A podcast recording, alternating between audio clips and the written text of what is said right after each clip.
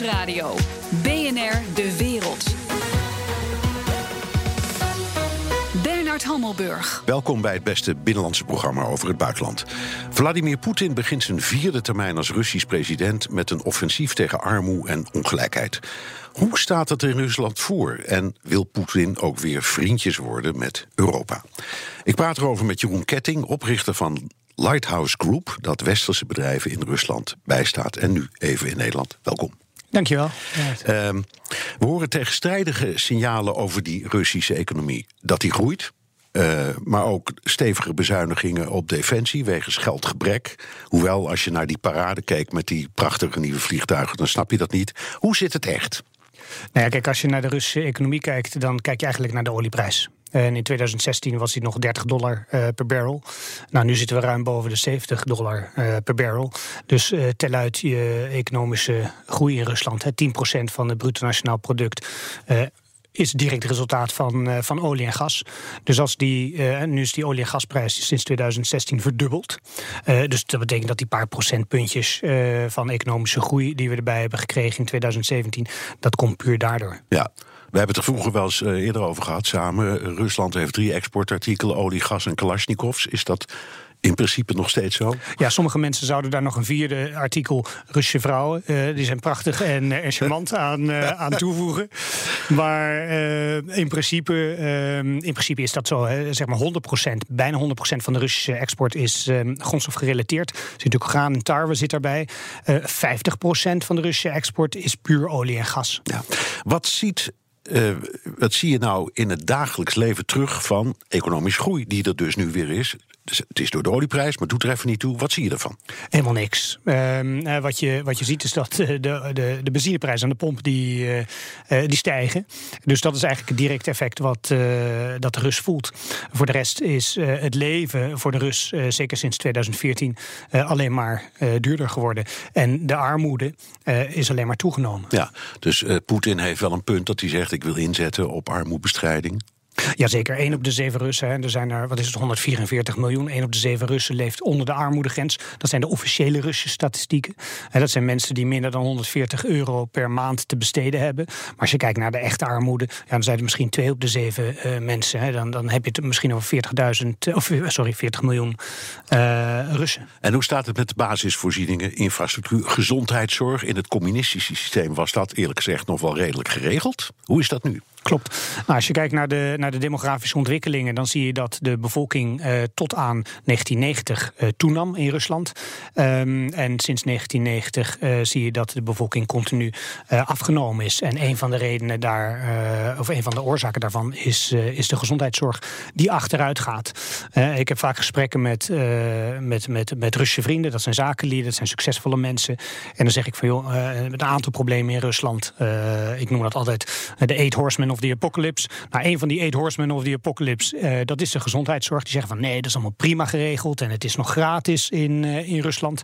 Maar als ik dan vraag van god, waar heb je je moeder met haar oncologisch probleem naartoe gestuurd? Dan is het antwoord meestal uh, Oostenrijk, Duitsland of, um, of Frankrijk. Ja, gaan ze naar het buitenland. Ja. er wordt enorm veel geïnvesteerd in oorlog in Syrië bijvoorbeeld, in militaire operaties.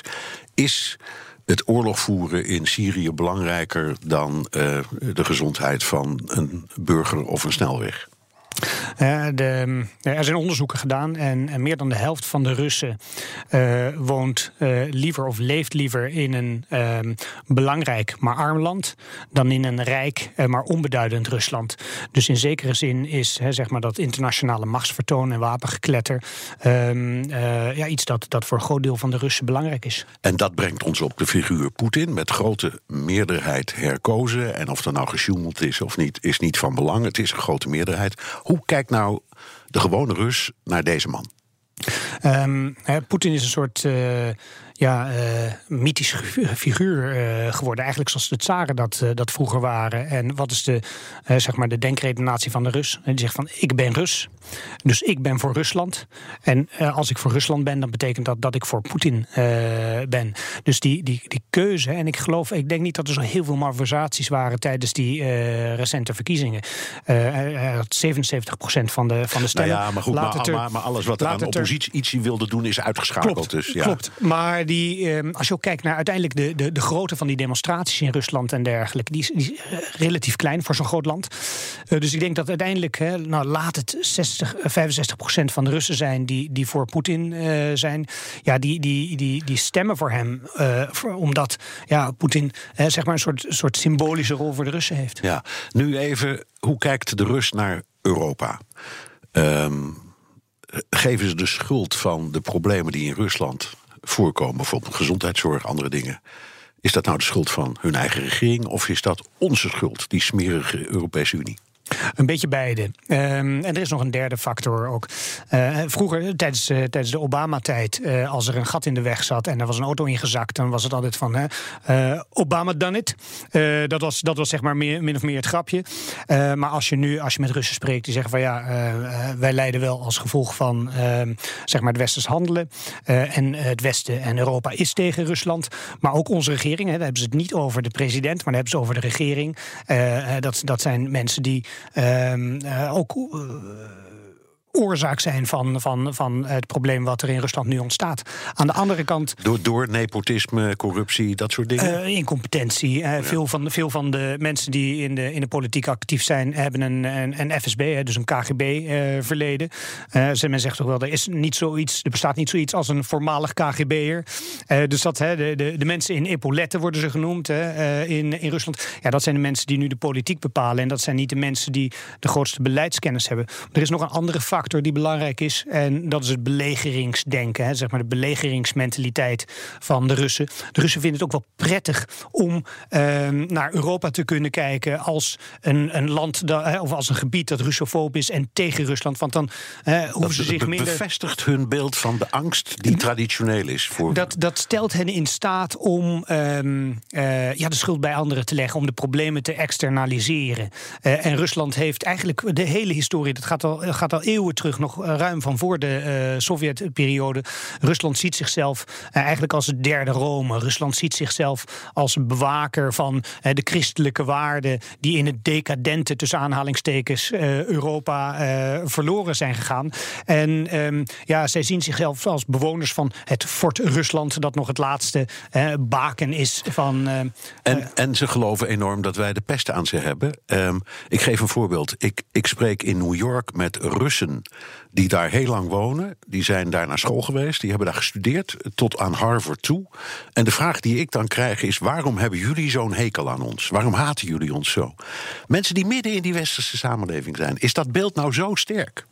Ehm, ja, dat beeld is sterk. Ik zat laatst naast een, eh, een Russin in het vliegtuig van Moskou naar Amsterdam. eh, die ook al twintig jaar in Nederland woont. ehm, kinderen hier heeft. eh, met haar kinderen Russisch spreekt. Maar die zegt van ik spreek in de supermarkt geen Russisch meer met mijn kinderen. Dus daar, daar, daar zit zeker, eh, daar zit zeker eh, een, eh, een probleem. Als we kijken naar Nederlandse politieke uitingen. Kijk naar voormalig commandant der strijdkrachten Middendorp. Die zei altijd van we moeten meer straaljagers hebben. Want vanwege de Russische dreiging. Dus het wordt ook gebruikt. Hè, niet alleen door de Verenigde Staten. Niet alleen door allerlei grote EU-spelers. Maar ook zelfs door zeg maar Nederlandse beleidsmakers of eh, defensiebazen wordt eh, de angst voor Rusland en de Russische dreiging gebruikt eh, voor allerlei doelen die eigenlijk niks met Rusland te maken hebben. Nee. Dus wij zijn Rusla- Rus, Russofoob. Eh, In zeker- afval in hun ogen. En ik denk dat het ook zo is trouwens hoor. Ik, ik woon nu 25 jaar in, in Rusland. In 1994 kwam ik daar voor het eerst. Ja, toen ik voor het eerst, toen dat, dat, die- dat vliegtuig die, die daling inzette, zat ik ook wel mijn klamme handjes aan mijn spijkerbroek af te wegen van de zenuwen van eh, waar ga ik nu landen? Waar, wat gaat er nu gebeuren? En ehm, die emotie en dat gevoel is me altijd bijgebleven. En ik herken dat gevoel ook bij eh, veel Westerlingen en ook zakenlieden die, eh, die, die nu nog steeds zaken doen met Rusland. Is die angst voor weerstand tegen het oordeel over Europa toegenomen in die 25 jaar? Zeg je, ja, het is, het is, het is veranderd. Ik heb dat de indruk dat ze 25 jaar geleden nog dachten... dat Europa nog wel spannend vonden en leuk en interessant. En je, Klopt. je kon er mooie horloges kopen, weet ik wat. Maar Maar het is eigenlijk diametraal gedraaid. Hè. In, in de negentiger jaren um, ja, keek, keken de Russen enorm op naar Europa en naar de Verenigde Staten. Um, alles wat, wat Europees was of een Europees merkje had, dat, uh, daar kon je, kon je de driedubbele prijs voor, voor vragen. Een vakantie in Europa, dat was, dat was top of the bill. Um, toen zag je dat in het eerste decennium van de 21ste eeuw, hè, dus zeg maar vanaf 2000 tot 2008, 2009, werd Rusland natuurlijk rijker en dus assertiever. Dus Rusland zei zoiets van, nou, we zijn eigenlijk een gelijke van, van Europa, dus we willen partnerships en dergelijke. wat je nu ziet is een grote teleurstelling eigenlijk. Hè, want want een groot deel van de economische problemen die Rusland nu heeft, is het gevolg van uh, zeg maar Amerikaanse neoliberale adviezen. Hè, die door Harvard specialists en dergelijke in de negentiger jaren zijn gegeven. Van je moet, je, moet je industrie direct privatiseren via, via een hard privatization. alle bedrijven moeten, moeten onafhankelijk worden.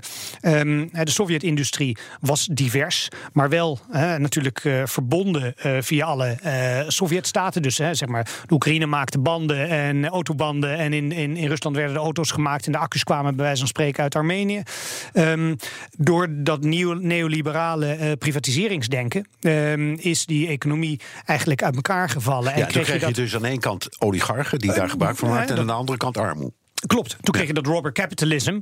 Um, uh, waardoor een aantal mensen heel rijk zijn uh, geworden. En natuurlijk de, de, de, de grote massa van, uh, van de Russen um, ja, naast, naast de prijs heeft gegrepen. Wat is een Rus? Een Europeaan of een Aziat? En ik vraag het omdat ik zag net een film over de Tweede Wereldoorlog, bevrijdingsleger hele belangrijke rol gespeeld. Ook in het Russische denken is dat nog steeds magistraal. En dan zie je al die plaatjes en dan zie ik, uh, ik zal maar zeggen, Chinezen. Dat blijken Russen te zijn. Ja, klopt, klopt. Uh, ja, vandaag, 9 mei, is natuurlijk een hele belangrijke dag voor, uh, voor de Russen. Het is hun bevrijdingsdag, ze noemen dat overwinningsdag. dat is samen met 8 maart, de Internationale Vrouwdag en Nieuwjaar, zijn dat de drie belangrijkste momenten. Um, en inderdaad, in dat, in dat Rode Leger, ja, daar zag je mensen van alle schakeringen. Um, Rusland heeft iets van 110 verschillende verschillende etniciteiten. Um, maar je vraag is: uh, van, is de Rus Europeaan of Aziat? Een Rus is iemand die zich in Azië Europeaan voelt en in Europa Aziat uh, voelt. Um, volgens mij heeft Tolstoy of Dostoevsky heeft dat ook ooit uh, zo verwoord. Maar het Azië waar wij aan denken is een heel ander Azië dat Rusland beïnvloed uh, heeft. He, Rusland heeft aan de ene kant veel invloeden vanuit Byzantium, zeg maar het, het, het voormalige Turkije, um, gekregen. En het Azië wat Rusland heeft beïnvloed, dat is Centraal-Azië. Nou, als je aan een gemiddelde Nederlander vraagt wat is Centraal-Azië, die weet daar geen antwoord op te geven. Maar dan heb je het over Oezbekistan, je hebt het over Mongolië bijvoorbeeld, uh, je hebt het over, over Kyrgyzstan en, eh, en dergelijke. En, en met name de, de Tataar-Mongoolse horden, uh, die in de 13e eeuw uh, onder andere ook Rusland overspoeld hebben. En het in de geschiedenis het twee na grootste rijk, na geloof ik het Britse Rijk, hebben gehad gedurende een eeuw. Ja, die, die Tataar-Mongoolse invloed, dat is de Aziatische invloed die je in Rusland, in Rusland hebt. Zo dadelijk. Hoe de Russische landbouw profiteert, jawel, van onze Europese sancties. BNR Nieuwsradio. BNR De Wereld. Mijn gast Jeroen Ketting, oprichter van de Lighthouse Group, dat westerse bedrijven in Rusland bijstaat. Uh, we spraken net over hoe de Russen naar ons kijken. Uh, de sancties die daar ongetwijfeld uh, van invloed op zijn. De kwestie van de inlijving van de Krim, uh, inmenging van de Amerikaanse verkiezing, moeten we het allemaal nog over hebben.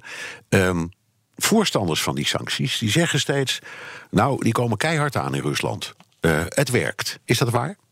Um, ze komen wel aan.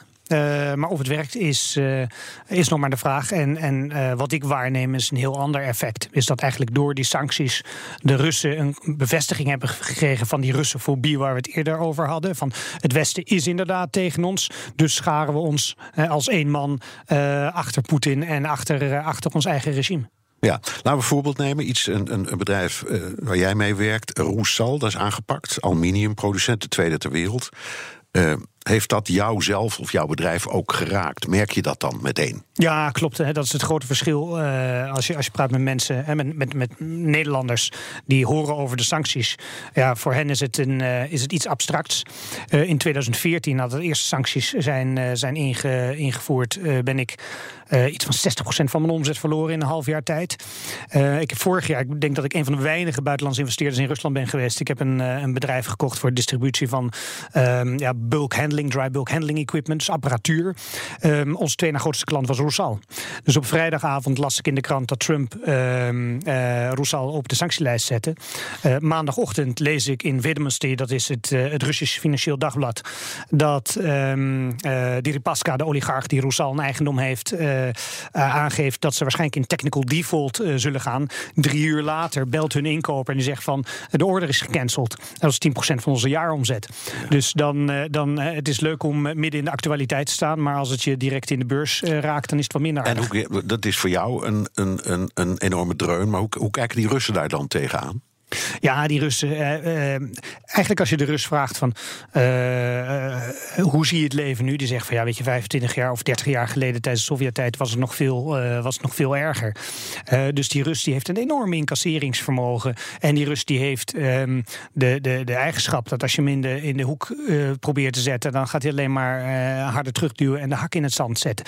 Dus die Russen, de Rus in de straat, die voelt niet zoveel van die sancties, want die koopt toch geen Franse brie of Nederlandse goud goudse, goudse kaas. Uh, en die laatste sancties, dat is nog een ander, hè, die, die met name de oligarch heeft geraakt. Daarvan zegt de Rus van eigenlijk uh, vind ik het wel prettig dat die oligarchen een keer het vuur aan de schenen wordt Dan gelegd. voelen ze ook eens hoe het is. Voelen ze ook eens wat. Het enige probleem is dat net zoals met, in de tijd met ING in Nederland, dat, dat de, het Kremlin meteen heeft gezegd van nou we gaan die arme oligarchen helpen om, om de gevolgen van de sancties ongedaan te maken. Dus dat was dan weer een, een negatief. Andere kant, Rusland, Russische landbouw, die was eigenlijk weg. Mm -hmm. um, in de tijd van uh, in de jaren negentig. Ja. Toen we allemaal dachten, dit is voorgoed voorbij, die, die spanningen. Toen, ja, toen verdween die enorme grote Russische landbouw. Al die boeren trokken naar de steden. Hele grote gebieden in Rusland waren leeg zelfs. Um, nu kan er niks meer worden geïmporteerd. Kun je zeggen dat die sancties wat dat betreft een zegen zijn voor de Russische boer? Want die moeten gewoon weer aan de slag. Ja, zeker weten. Uh, Rusland is uh, de afgelopen jaren uitgegroeid tot de grootste graan- en tarwe-exporteur ter wereld. Exporteert meer dan de hele Europese Unie bij, bij elkaar. Um, dus dat, dat, dat, is, dat is één, één aspect. Het andere aspect is dat met name de hele, de hele groentesector, de vleessector, is sinds, die, sinds de Russische contrasancties, hè, want, want Rusland heeft de grens dicht gedaan voor aardappelen, vlees, groenten, dairy, ga zo maar door. maar die, die Russische agri-sector is enorm in, in opkomst gekomen. Je hebt nu een bedrijf dat heet Miratorg. Dat de eigenaar daarvan is de schoonbroer van de vrouw van Medvedev, de, de, de premier. premier ja. En die, heeft, die heeft enorm ook die sancties belobbyd. Die sancties worden ook niet meer, die Russische blokkade, die worden ook niet meer in de nabije toekomst opgeheven.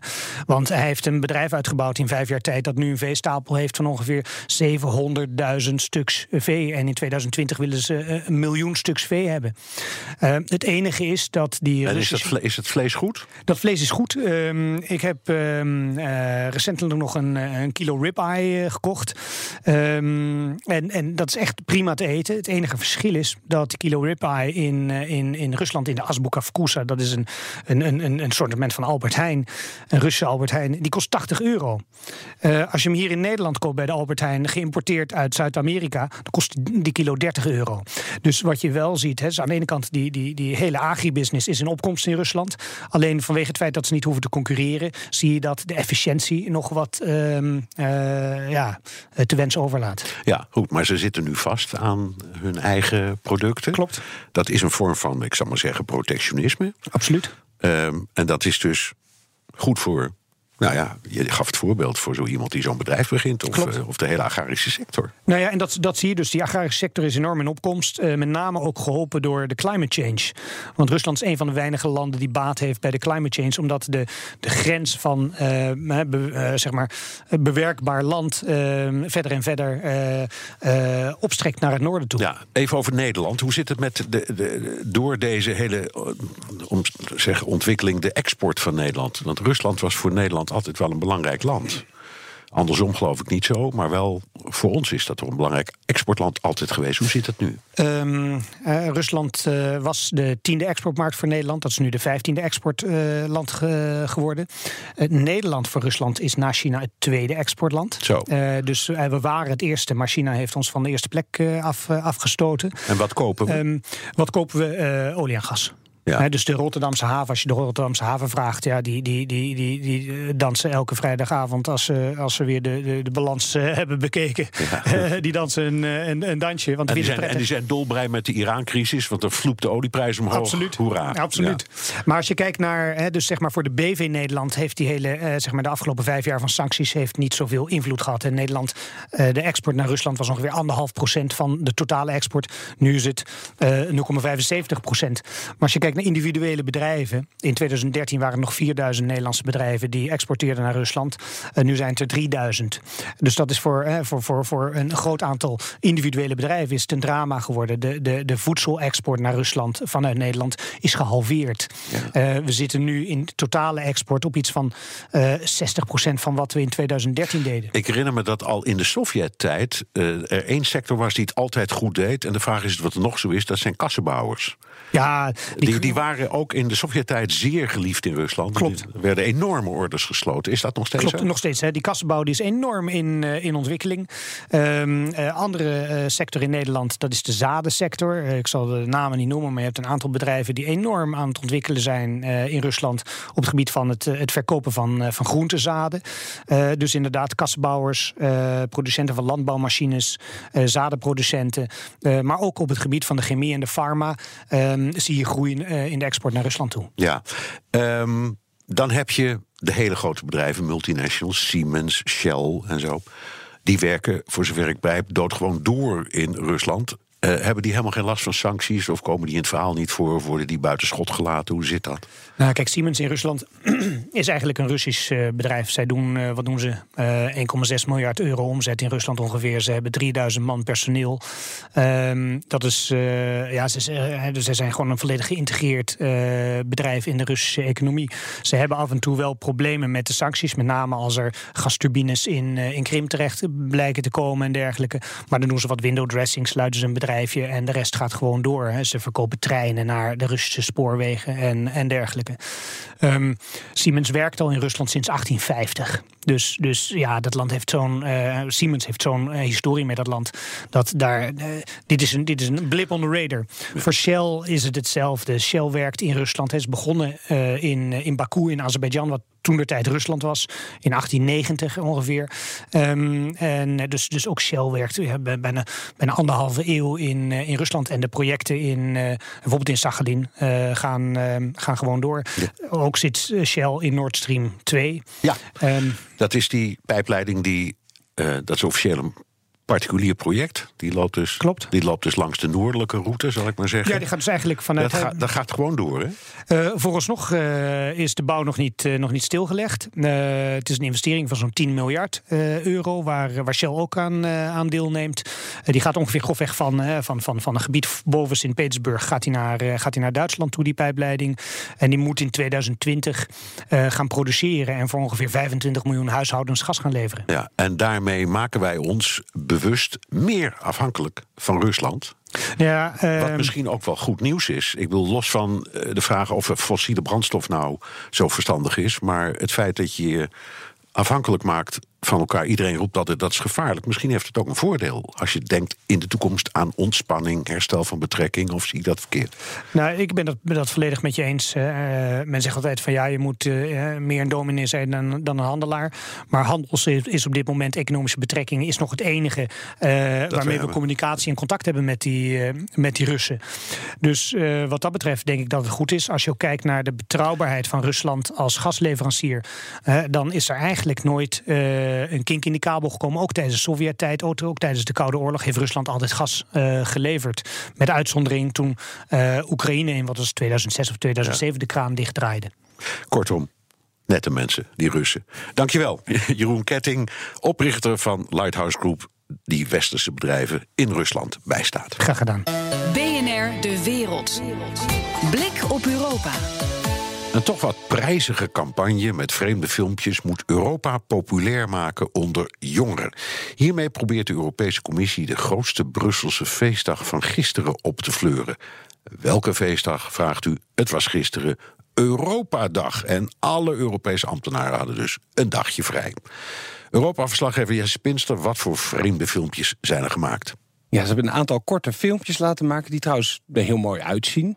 Uh, maar die moeten ons dan op de een of andere manier laten zien wat er nou belangrijk is aan Europa en waarom het echt iets voor ons betekent. En dan begint het toch langzaam een beetje vreemd te worden.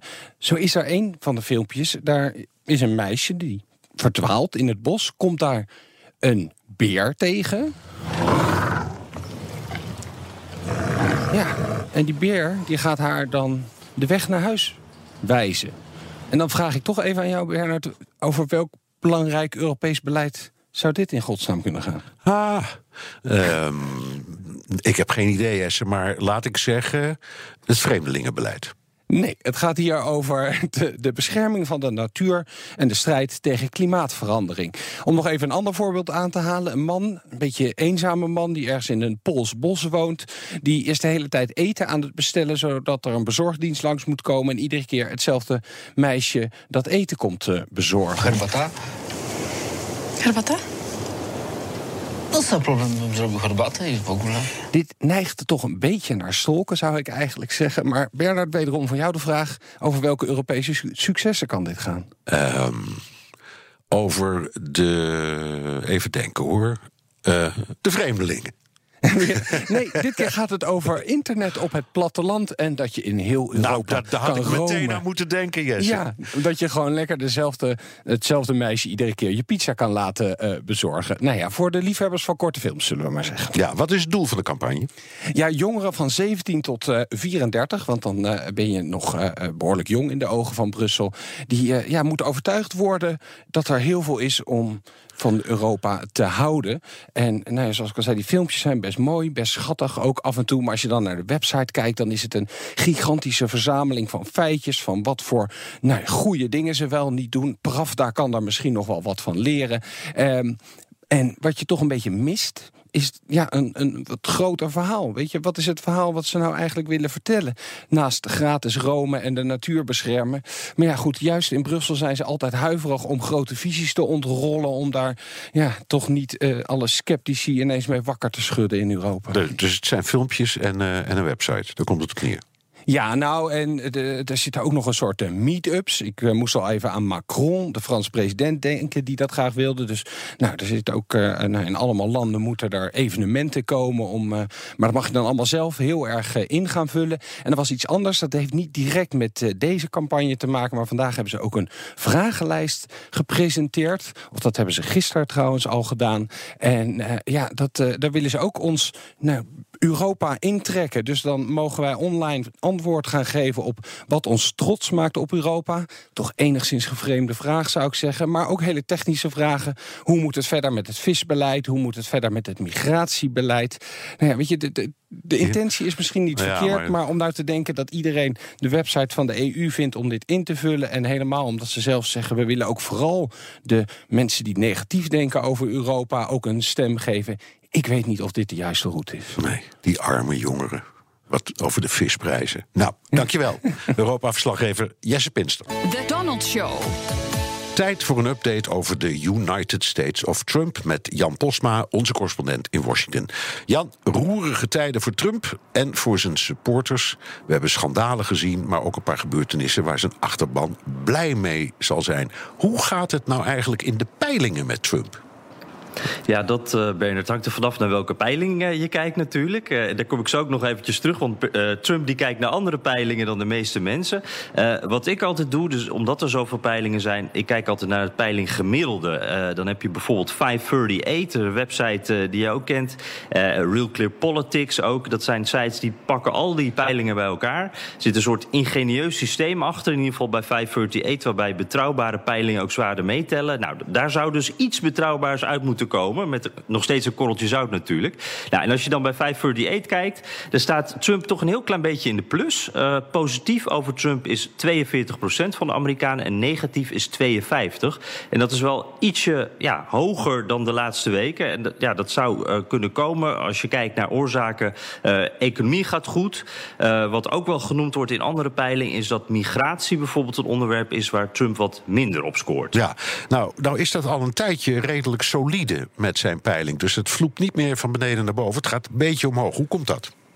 Ja, dat, dat, is inderdaad heel opvallend. Als je kijkt naar eh, zijn hoogste waardering als uh, bij zijn inauguratie, dat zie je vaak bij presidenten. Hè. Toen stond het op 45 eh, procent, een beetje de honeymoon-periode, zeg maar. En het laagste was 36,5. Dat was uh, ergens in december. Dus er zit maar heel weinig verschil in. Ehm, ja, het lijkt erop ook dat het, het, het nieuws dus geen grote invloed heeft eigenlijk op, ja, wat de mensen eigenlijk van Trump vinden. Dus de koers Trump, zeg maar, die blijft een beetje hetzelfde wat er ook gebeurt. dat is schandaal met Stormy Daniels. Uh, dat, dat, daar gaat hij niet heel erg van naar beneden. Maar campagnebeloftes die hij nakomt. Uh, of dingen waar hij mee bezig is, zoals Noord-Korea. De importheffingen. Ja, die doen allemaal maar heel weinig met Trump. ja, wordt dan door analisten ook meteen gezegd: dit is geen garantie voor de toekomst. Maar het lijkt wel een beetje op de campagne. Hè? Want tijdens de presidentiële campagne toen had Trump ook steeds een harde kern. Die houdt van hem, die blijft bij hem. En, ja, en die mensen hebben al die schandalen al ingecalculeerd. En, en die veranderen niet echt meer van mening. Nee, nu, nu uh, vergelijkt Trump zich dolgraag met Obama. En hij tweet met grote regelmaat dat hij nu hoger wordt gewaardeerd dan Obama in dezelfde periode. Klopt dat? Ja, dat, dat is inderdaad, daar houdt hij heel erg van om dat uh, eventjes te laten zien dat hij toch populairder is. Uh, ja, hij is uh, heel selectief in zijn peilingen. Hij kijkt eigenlijk vooral naar, naar die ene peiling die hem het allerhoogste heeft staan. Dat zou ik trouwens ook doen. Dat, ja, dat is eigenlijk wel heel slim natuurlijk. die peiling, dat is Rasmussen. En Rasmussen die, die heeft Trump eigenlijk ja, structureel hoger staan. en dat hebben ze eigenlijk vaak met meer rechtsere presidenten of rechtse presidentskandidaten. Er wordt wel eens wat over gespeculeerd is dit nou een verdienmodel van ze? Hè? Want je valt dan altijd op. En één keer in de zoveel tijd heb je ook gelijk als er weer een republikein uh, de verkiezingen wint. Um, wel een pijnlijk puntje daarbij trouwens. De laatste dagen heeft Trump daar wel verloren. Hij stond op 51 procent, daar was hij zo trots op. Uh, de laatste dagen is hij naar 47 gegaan. Dus 47 procent van de mensen die positief is. En als ik er nog even aan mag toevoegen om het even een beetje perspectief te plaatsen. Um, als je kijkt naar andere presidenten uh, president op dit moment deden, dan staat Trump ook ja, duidelijk wel lager dan Obama, uh, Bush junior, Clinton en Bush senior.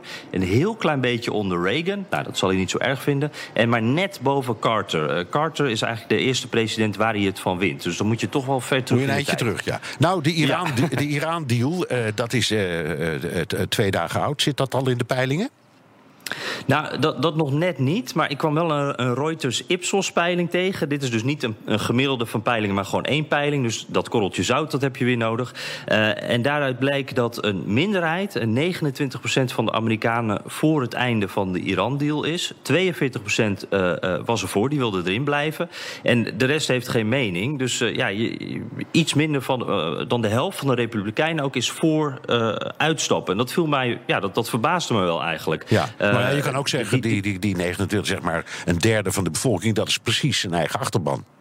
Dus ja, nee, zo, da, zo daar kom je, dan, dan ben je er weer inderdaad. Ja, ja, ja. ja. Maar Goed. het was een, een, controversiële deal natuurlijk. Dus toch wel opvallend dat dat zo uh, positief uh, nog wordt beoordeeld door de Amerikanen. Dankjewel, correspondent Jan Postma vanuit Washington. En zo dadelijk wordt Libanon na de nieuwe verkiezingen een soort Iraanse provincie. BNR Nieuwsradio. BNR De Wereld. Bij de verkiezingen in Libanon is de zittende Soenitische premier Saad Hariri afgestraft. De winst ging naar de christelijke partijen en het Sjiitische Hezbollah. Dat laatste betekent dat Iran zijn invloed in het land uitbreidt. Staat de Syrische Fazal-oorlog over naar Libanon. Mijn gast Martijn van der Kooi, Libanon-kenner en schrijver van het boek Alle Dagen Libanon. Welkom. Ja, dankjewel. Uh, de krantenkoppen schrijven: Hezbollah en haar bondgenoten hebben de verkiezingen gewonnen. Maar Hezbollah zelf heeft maar 13 zetels behaald. Dus is dat niet een beetje volksvlakkerij? Uh, nou, Hezbollah is sowieso uh, klein. 10% van, van het aantal zetels. En misschien hebben ze zelfs een zetel gewonnen, misschien niet. Daar zijn ze nog niet helemaal over uit. Dus, uh, maar ik snap die kop heel goed. Omdat uh, voor het eerst een meerderheid in het Libanese parlement pro-Hezbollah is. Hè? Dus die coalitie die om Hezbollah heen is gesmeed, die is echt uh, groter geworden. En, daarvan... waar, bestaat, waar bestaat die coalitie Ja, ik zal het heel kort uitleggen. Een hele belangrijke partij, de partij van de president. En dat is een christen, christelijke partij. Aoun, de Aounisten. Ja. En dan heb je nog wat kleine christelijke partijen, slaan we even over. En dan heb je nog wat loyalisten. Dat zijn mensen die zijn gekozen bijvoorbeeld als christen of als soeniet. Maar die zijn loyaal aan Hezbollah. Heel bijzonder. En dat zijn er tien in totaal. Van Amal, dat is de andere Sjiitische partij, die ook in dat blok zit. En Hezbollah. Ja. Um, Hezbollah is in, Libanon een politieke partij. Uh, maar het is ook een leger. Ja, militie. Ja, en dat, dat is dan ook in Libanon, maar vooral in Syrië, waar ze een heel belangrijke rol vervullen in uh, de strijd. Is dat een beetje Sinn Féin en uh, de, de RAF destijds in uh, Noord-Ierland. Waar met een politieke tak en een militaire tak die, die, die, die door de, het groot deel van de wereld als terroristisch wordt gezien. Ja, die, die, die vergelijking gaat tot die punt die je zet, gaat die op. Hè? Dus inderdaad, politieke tak en een militaire tak of terroristische tak, ligt eraan hoe je ernaar kijkt. Alleen het is niet zo dat binnen Libanon. Hezbollah op dit moment, zeg ik er dan even bij, aanslagen pleegt. Het is wel zo dat ze worden verdacht van het vermoorden van uh, de oud-premier Rafik Hariri, van talloze aanslagen in combinatie met Syrië.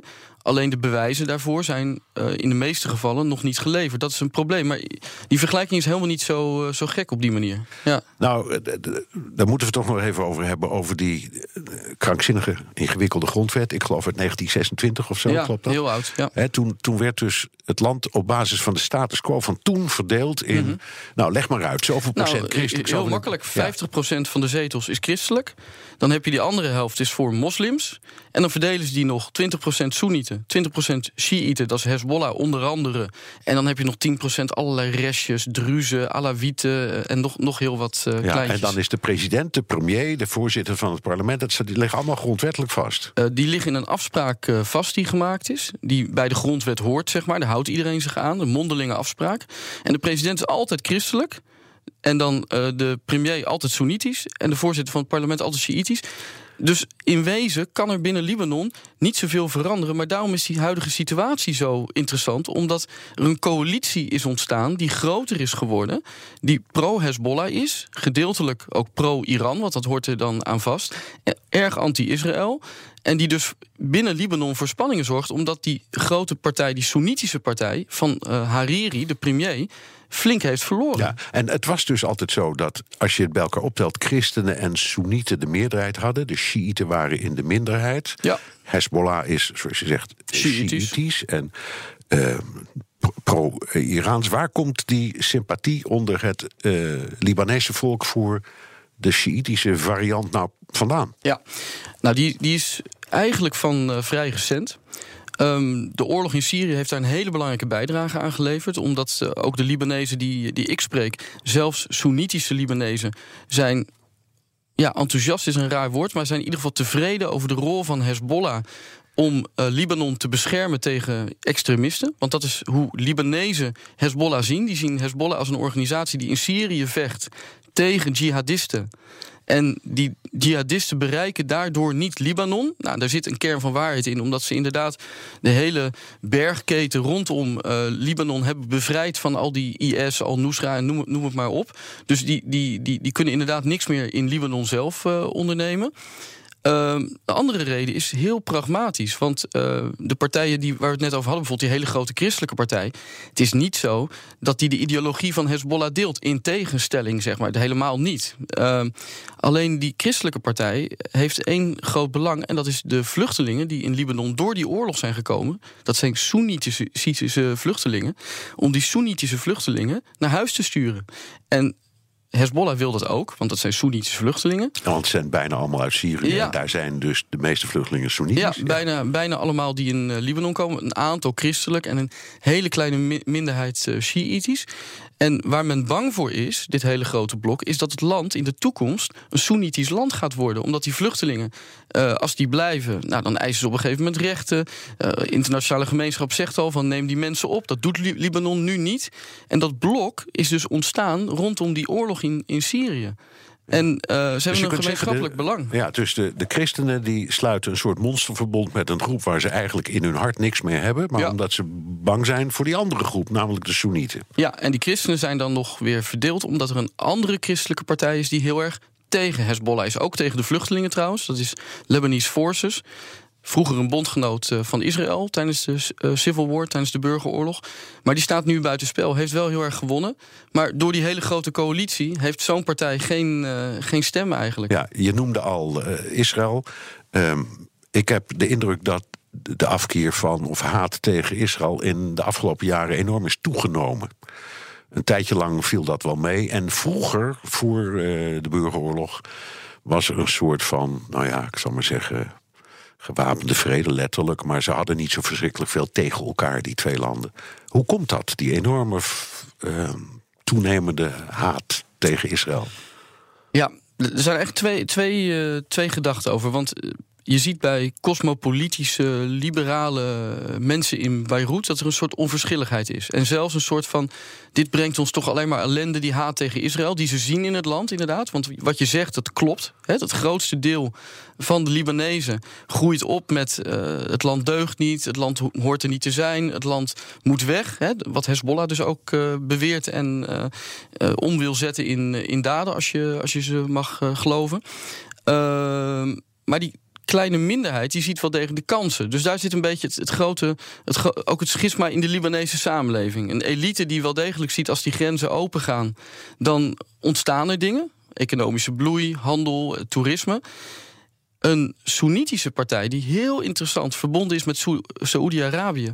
Die onlangs juist betrekkingen is begonnen met, uh, niet officieel, maar wel inofficieel en militair met Israël. Dus daar zie je ook een soort druk incijpelen dat die partij zich heel op de, nou, een beetje op de vlakte houdt op dat terrein. Um, maar door de aanwezigheid van Hezbollah en al die raketten die gericht staan op Israël. En ook die invloed van Hezbollah op die andere partijen. Is er niemand die opstaat die zegt: wat een waanzin. Uh, maar is laten we hiermee stoppen. Maar los nog van, ja. laten we zeggen, haatgevoelens mm -hmm. of, of uh, noem het wat je het noemen wilt. Ja. Zijn er niet ook uh, veel Libanezen die tegen Hezbollah zeggen: wat jullie denken, dat is wat jullie denken. Maar het richten van al die raketten op Israël, dat brengt ons in gevaar. Dus stop daar eens mee. Ja. Nou, dat zijn. nou ja, kijk, het hele taboe ligt hem op die discussie omdat uh, Israël is de vijand, zoals je net al zei, voor heel veel mensen daar. En uh, die raketten worden dus door heel veel Libanezen gezien als iets goeds. Bescherming van het land Libanon tegen de agressor, hè, even in hun ogen, uh, Israël. Dus er ligt een enorm taboe op die discussie. Haal die raketten weg. Maar er is wel een discussie, en die is vorig jaar gestart, over ontwapening van Hezbollah. En die discussie wordt gevoerd door de Verenigde Staten, door Saoedi-Arabië, maar ook door Hariri. En ook door de oppositie, die Lebanese Forces die ik net noemde. En dat is het drama van deze verkiezingen. Dat gaat er niet komen. Want deze partijen, nou, Lebanese Forces staat buitenspel. Hariri wordt waarschijnlijk weer premier. Maar heel weinig zetels in het parlement, veel minder macht.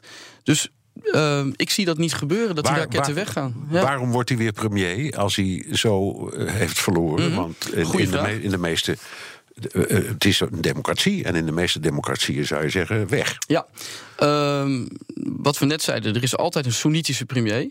En hij is de leider van de Soenitische partij. Dus dan ben je vrij automatisch uh, premier. Tenzij hij zelf zegt van ik, ik stop ermee en ik laat het aan iemand anders. En dat heeft hij nog niet gezegd. Dus, nee. dus, dus hij is eigenlijk vrij automatisch een nieuwe premier van Raar het land. verhaal. Uh, gekidnapt door Saudi-Arabië. Ja. Tenminste, dat, uh, dat was de indruk. Het is nooit helemaal vast. Mijn indruk was het ook. Ja. ja. Wat is er nou precies gebeurd dan? Nou, op, een bepaald moment ging hij daarheen, of ja, bleek hij daar te zijn. November en, was dat. En hij kwam niet meer terug. Ja, dus no november vorig jaar. Wat er in mijn ogen gebeurd is, heb ik ook wel gereconstrueerd aan de hand van allerlei uh, krantenberichten. Um, Saudi-Arabië had genoeg van Hezbollah. Vond dat Hariri niet optrad tegen Hezbollah. Dus heeft tegen uh, Hariri gezegd: je gaat aftreden, je gaat een uh, crisis veroorzaken, politiek in Libanon en Hezbollah keihard aanvallen, zodat er een reactie terugkomt. Nou, dat konden ze doen omdat ze hem vast hadden gehouden. Dus hij had eigenlijk weinig ander, andere keus dan die verklaring voor te lezen. En dat zag je ook een beetje aan hem. Hij zat er heel bedremmeld bij en ongelukkig. En toen ontstond er iets heel bijzonders in Libanon. Toen zei iedereen: Hariri is onze premier, inclusief Hezbollah. Is natuurlijk heel slim. En hij moet terugkomen. Dus die hele reactie die ze hadden verwacht, eh, die kwam uiteindelijk niet. Het was wel een hele spannende situatie. Ja, maar, het, hij heeft kwam dus, niet. het heeft dus precies andersom uitgepakt. Want door, misschien heeft het zelfs wel bijgedragen aan het succes van ehm Hezbollah met zijn ad hoc bondgenoten in deze verkiezingen. Ah, sterker nog, ik denk dat eh, in de Arabische wereld er een grote voorkeur is voor sterke mannen, sterke leiders. Er zijn altijd mannen daar. En als je wordt gegijzeld door een ander land en je bent premier van Libanon, dan ben je eigenlijk niet zo'n sterke man. Dus ik denk dat die afstraffing van Hariri ook wel in de ogen van veel mensen te maken heeft met... het is niet een echte man, niet een echte leider... het is niet de man die wij willen. Dus, dus dat, dat heeft er zeker toe bijgedragen. Ja, Een het is- tegenovergesteld effect. Ja. Ja. in tegenstelling tot eh, zijn vermoorde vader was dat, hè, Harry? Mhm. Ja. Ja. Die, die, die, die, dat was wel een krachtpad. Een hele krachtige man. Ja, Ja. sterkste man van Libanon na de burgeroorlog. Ja. Ehm, beschrijf even Libanon. Je, bent, eh, je zit daar heel veel. Je bent een tijdje eh, er niet geweest omdat het je te eng werd. Herinner ik me uit een vorig gesprek. ja. ja. Nu weer wel. Ja. Hoe is het er? Het gekke van Libanon is dat je altijd denkt van... want je weet het is een kruisvat, het kan altijd ontploffen. En ik was er heel bang voor in november dat het echt helemaal mis zou gaan... met die ontvoering van Hariri en al die gekke toestanden. En als je dan mensen eh, spreekt, maken ze zich wel zorgen. Maar het leven gaat altijd door op een manier zoals we die hier niet kennen. Dus die spirit van, van Lebanon, die ook in de burgeroorlog er altijd was. eh, het feesten, het uitgaan, de restaurants. Maar ook het vrije, ook het liberale van met name Beirut en, en, en het noordelijk van Beirut. Dat, dat stopt niet. Dat stopt niet. Crisis of niet, economische crisis of niet, politieke crisis, oorlog of niet zelfs. Het, het is een soort van eh, overlevingsstrategie. Ja, ze zeiden vroeger vaak het Parijs van het Midden-Oosten. Is het dat nog steeds? Qua gevoel van, van de mensen wel. Ik vind niet qua, qua hoe, hoe de stad erbij ligt of hoe het land erbij ligt, maar wel. Nou, ik bedoel ik vind vooral, wel vooral inderdaad. Beirut. Hè? Ja, Beirut wel. Ja, ja, ja, Ja. ja. Ehm, en hoe verklaar je dan, want het is een soort van schisma bijna, wat je Mhm. beschrijft. Een liberale, eigenlijk wel gemoedelijke bevolking die houdt van plezier en het niet al te nauw neemt met religieuze of politieke principes of fatwa-achtige opvattingen. En tegelijkertijd dat militante dat nu toch heeft gewonnen in die verkiezingen. Ja. Het militante gevoel. Klopt. Het is eh, waar Hezbollah zijn eh, basis heeft, die 10%, zijn de buitengebieden. Het platteland, zullen we maar zeggen. En eh, daar is men conservatief. Daar denkt men anders. Daar kun je heel vaak eh, geen biertje drinken, want dat is dan haram of wat dan ook. Dus er is een enorm schisma tussen de stad, waar alles kan, alles mag. En iedereen, ook, ook moslims, christenen, maakt niet uit, doet van alles. En, en, die, en het achterliggende gebied, waar minder mensen wonen, maar die wel een stempel drukken op het land op dit moment. En ja. tenslotte, kun jij als journalist en schrijver je werk doen of moet je uitkijken? Ik ben daar eh, schrijver, ik ben daar geen journalist. Dat is wel een verschil. Eh, dus als ik daar ben, dan, dan, dan, dan kijk ik ook in die zin uit dat je dus, als je daar bent, nu niet, dan moet ik gewoon wel opletten wat ik zeg en wat ik doe. Want eh, met een, een, een groep als Hezbollah, een gewapende groep die, die ontvoeringen op zijn geweten heeft, eh, moorden, et cetera. eh, het is niet een groep waar je heel snel ruzie mee wil hebben. Nee, en je moet toch met ze praten, anders kun je je boeken niet schrijven. Ik praat nou, met iedereen, maar het gekke is dat Hezbollah... er zegt nooit iemand ik ben van Hezbollah. Dat is het hele gekke. Maar ze zullen er ongetwijfeld zijn. ja. Wat, is, wat, is Ja. volgende, wat is je volgende boek? Het volgende boek is Lebanon 24-7. Dat is de Engelstalige versie van, van dit boek, Alle Dagen Libanon. Dankjewel, Martijn van der Kooi, Libanon-kenner en schrijver van het boek Alle Dagen Lebanon. Libanon. En binnenkort dus in het Engels. En tot zover BNR De Wereld. Terugluisteren kan via de BNR-site, de app, iTunes of Spotify. Mijn naam is Bernard Hammelburg. Dank voor het luisteren. Tot volgende week.